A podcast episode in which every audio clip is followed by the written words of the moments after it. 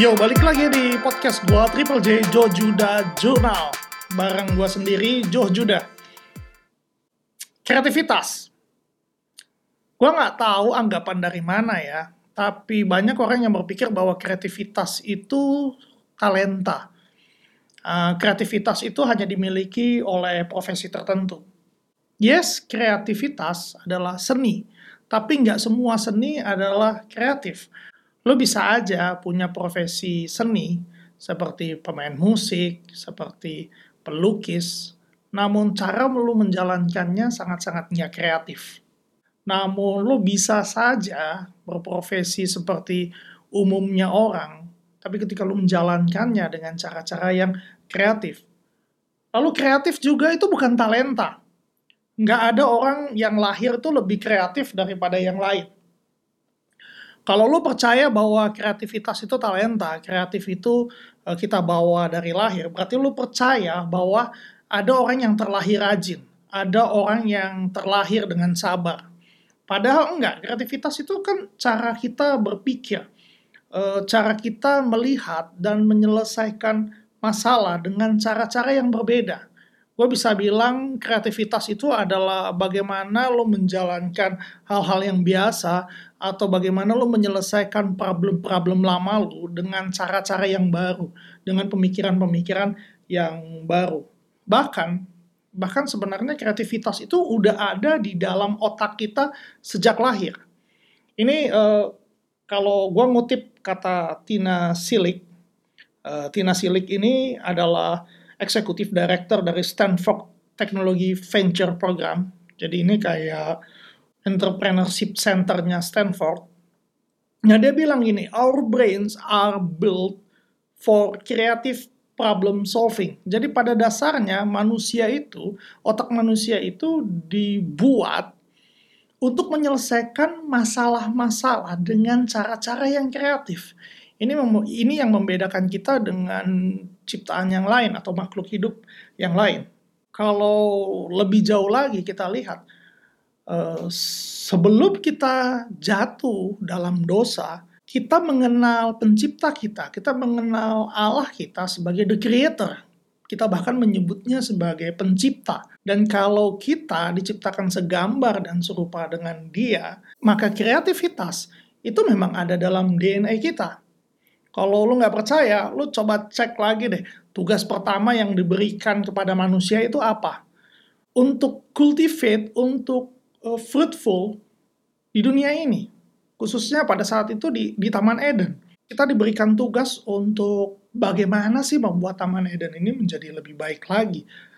Padahal kan kita percaya, uh, tentunya ketika Taman Eden pertama kali diciptakan, pasti diciptakan dengan sempurna oleh Tuhan, pasti diciptakan dengan indah.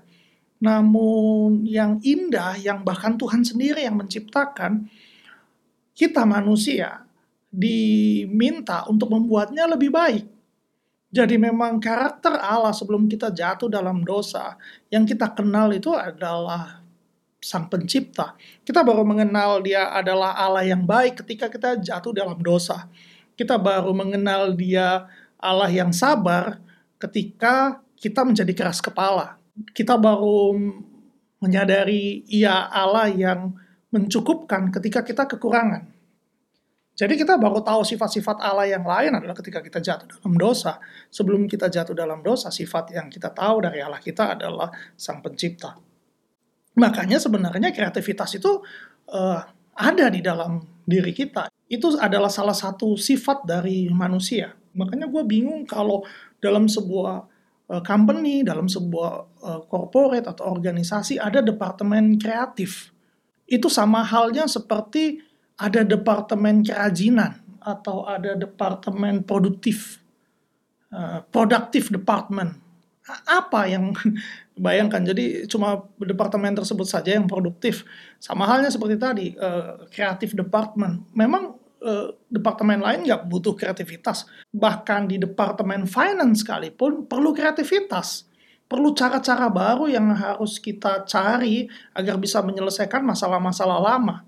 Bahkan dari solusi-solusi baru yang kita dapatkan, pasti akan menghasilkan sebuah problem baru dan perlu kreativitas lagi di sana untuk menyelesaikannya. Jadi kreativitas tidak terhenti hanya dalam sebuah bidang, hanya dalam sebuah profesi. Kreativitas harus ada dalam semua aspek kehidupan kita. Kreativitas itu dibutuhkan mulai dari uh, diri kita sendiri, bagaimana kita bisa lebih produktif. Kita harus bisa hack diri kita sendiri, schedule kita, bagaimana dengan waktu yang terbatas kita bisa menghasilkan lebih banyak. Itu butuh kreativitas. Itu ujung-ujungnya berhubungan dengan produktivitas kita, bagaimana kita hack our life. Kita hacking our life. Nah, istilahnya, istilahnya sebenarnya untuk saat ini kreativitas itu adalah hack uh, kalau dalam pekerjaan, dalam uh, startup mungkin atau dalam marketing ada growth hacking. Nah, itu sebenarnya bagaimana menemukan cara-cara kreatif untuk bisa grow lebih besar, lebih bigger, lebih cepat. Jadi memang uh, hacking itu nggak cuma berhubungan dengan codingan dan IT segala macam. Hacking itu adalah cara-cara kreatif yang kita lakukan untuk memecahkan sebuah masalah. Dalam relationship bagaimana sih uh, lu bisa kreatif dalam uh, relationship? Gue ambil satu contoh. Ini adalah problem yang dari dulu mungkin dari zaman Cleopatra terjadi bahkan sampai sekarang. Yaitu mau makan apa ketika bertanya sama pasangan kita. Sayang uh, kita mau makan apa? Terserah kamu aja. Ya udah kita makan padang ya. Aduh jangan. Aku kan sedang diet oh ya sudah kalau gitu kita makan KFC aja ya aduh itu goreng-gorengan, kita nggak makan goreng-gorengan lagi. Kan kemarin sudah goreng-gorengan yang lain. Oke, kalau gitu kita uh, makan warteg. Ih, kamu kok pelit banget sih makan ngajak makan aku di tempat yang murah. Dan akhirnya berakhir dengan ya udah kalau gitu kamu mau makan apa? Ya terserah kamu aja. Problem yang nggak selesai-selesai sampai sekarang.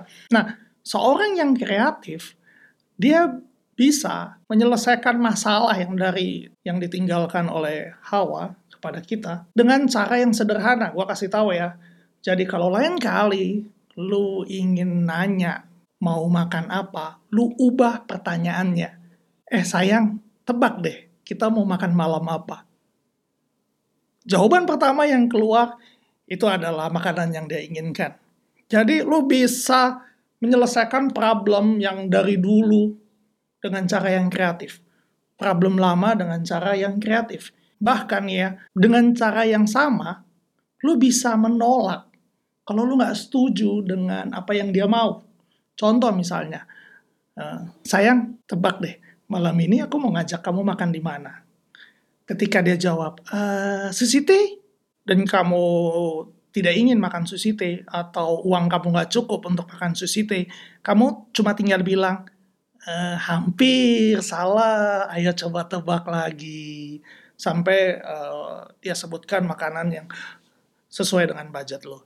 Nah ini cara-cara yang kreatif. Jadi uh, kita bisa tweak hal-hal yang lama, yang jemu, membosankan uh, dengan kreativitas. Bagaimana dalam parenting? Nah, ini gue ngambil satu contoh di mana istri gue uh, lakukan terhadap anak gue, Jonah. Jonah belakangan ini ada di waktu di mana dia lagi mengalami kesulitan untuk makan, lagi nggak mau makan. Uh, jadi setiap kali kalau dia makan, dia akan kayak berusaha muntahin. Dan setelah istri gue lihat, ternyata dari dari buang air besarnya dan dari muntahnya itu makanannya utuh. Jadi dia nggak mengunyah dengan baik. Perlu lo ketahui ya bahwa bahwa belajar mengunyah itu adalah proses yang penting buat seorang bayi, buat seorang toddler. Karena dari mengunyah itu akan bisa menentukan kebiasaan-kebiasaan dia makan. Dari cara dia mengunyah aja, itu bahkan bisa sampai pada kemampuan dia berbicara, kemampuan dia berkomunikasi, bentuk wajah dan bentuk rahang khususnya. Nah kenapa gue tahu ini? Karena ketika Jonah lahir, dia sempat mengalami tangtai. Jadi uh, selaput pada lidah di bawah lidahnya itu uh, menempel. Jadi waktu awal dia mengalami kesulitan untuk uh, menyusui dari puting uh, istri gue, kemudian habis itu minum juga jadi susah dan ini kalau dibiarkan terus nantinya akan mengalami gangguan komunikasi, gangguan berbicara, uh, gangguan uh, makan. Mungkin kelihatannya sepele ya, tapi mengunyah ini memang skill yang penting untuk dikuasai dengan baik uh, oleh bayi. Jadi apa yang istri gua lakukan adalah dia kemarin itu rebus wortel, dipotong kecil panjang, dibuat seperti sikat gigi. Lalu ketika makan, uh, wortel tersebut diselipkan di gusinya. Mulai dari gusi kiri, uh, lalu gusi kanan. Nah ketika diselipkan, uh, bayi itu akan cenderung untuk menggigit ya. Jadi dia gigit-gigit, mulai hancur, kemudian dia telan. Begitu juga sebaliknya. Nah semenjak hal tersebut dilakukan, Jonah jadi bisa mengunyah. Setidaknya jauh lebih baik. Selain itu juga uh, istri gue coba untuk lakukan buat supaya momen makan itu menjadi menyenangkan. Memang takes time, tapi hasil yang didapat juga uh, berbanding lurus. Hasil yang didapat juga memuaskan. Nah, ini kreativitas-kreativitas yang bisa dilakukan. Di dalam pekerjaan, kreativitas mungkin menjadi lebih mencolok karena bekerja itu kan sebenarnya proses kita berproduksi ya, uh, productivity di sana dilihat. Jadi memang tuntutan untuk menjadi kreatif lebih tinggi lagi. Ini sebenarnya kita bisa atau umum kita lihat pada startup startup yang ada. Karena sebenarnya startup itu kan muncul mendisrupt bisnis yang sudah ada saat ini. Nah, untuk bisa mendisrupt itu kan butuh kreativitas. Makanya di dalam startup kreativitas itu sangat-sangat uh, didorong. Terus pertanyaannya adalah kenapa ada orang-orang atau golongan-golongan yang lebih kreatif daripada yang lain? Kalau memang semua orang terlahir dengan memiliki kreativitas. Karena kreativitas itu adalah gaya hidup. Kreativitas itu adalah budaya, culture yang yang kita bangun dari kebiasaan-kebiasaan, entah itu memang secara uh, intentional atau secara tidak sengaja karena lingkungan kita jadi membentuk kita untuk lebih kreatif. Tapi ini adalah gaya hidup. Ini adalah kebiasaan yang sebenarnya bisa dibangun, bisa dikembangkan, bisa dipelajari. Jadi kreativitas itu memang milik semua orang. Kalau lu merasa kurang kreatif, lu bisa kok belajar atau membiasakan diri lu dengan gaya hidup yang kreatif. Yang pertama adalah miliki inisiatif. Inisiatif ini Artinya perlu proaktif, bukan reaktif, apalagi pasif.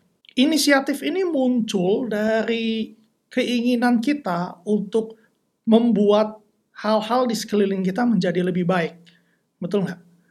Jadi inisiatif itu muncul ketika kita bisa bersimpati, berempati terhadap orang lain atau terhadap lingkungan, sehingga kita punya dorongan untuk bisa menawarkan diri secara aktif atau melakukan secara aktif hal-hal yang kita pikir bisa membantu untuk membuat situasinya uh, lebih baik. Tentunya ini datang ketika kita ingin menjadi bagian dari solusi dan bukan problem.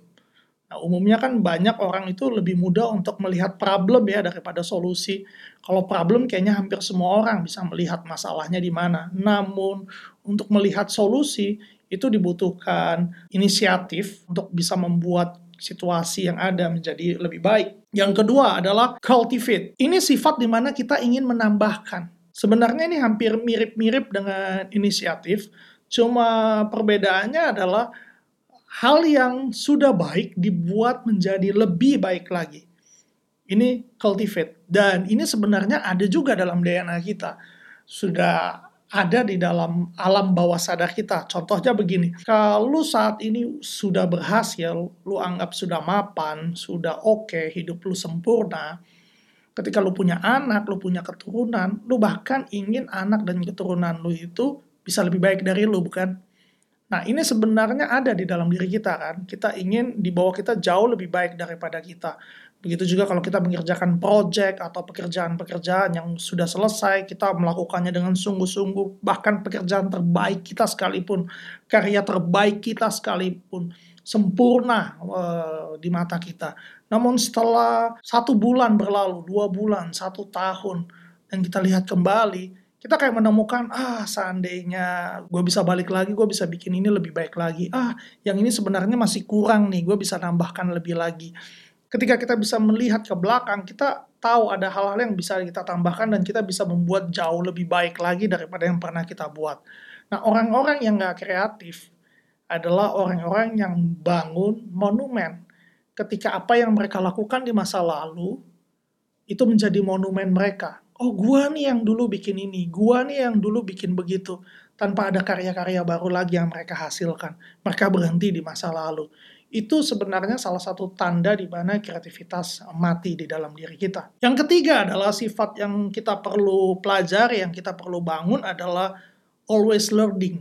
Selalu punya kerinduan, keinginan, hasad untuk belajar, belajar hal-hal yang baru. Gue di kantor, gue secara aktif tanya biasanya ketika one on one uh, gue nanya dengan tim gue lu minggu ini ada hal baru apa yang lu pelajari?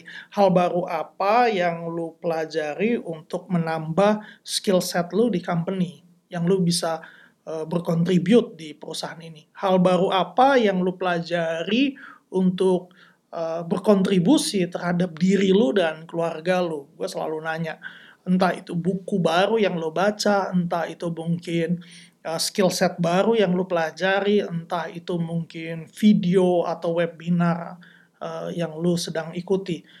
Karena ini penting, penting untuk punya budaya uh, belajar hal baru, selalu membuka diri dengan hal baru. Karena ketika kita belajar mengisi pikiran-pikiran kita, kita akan dengan sangat mudah memiliki ide-ide, gagasan-gagasan yang baru.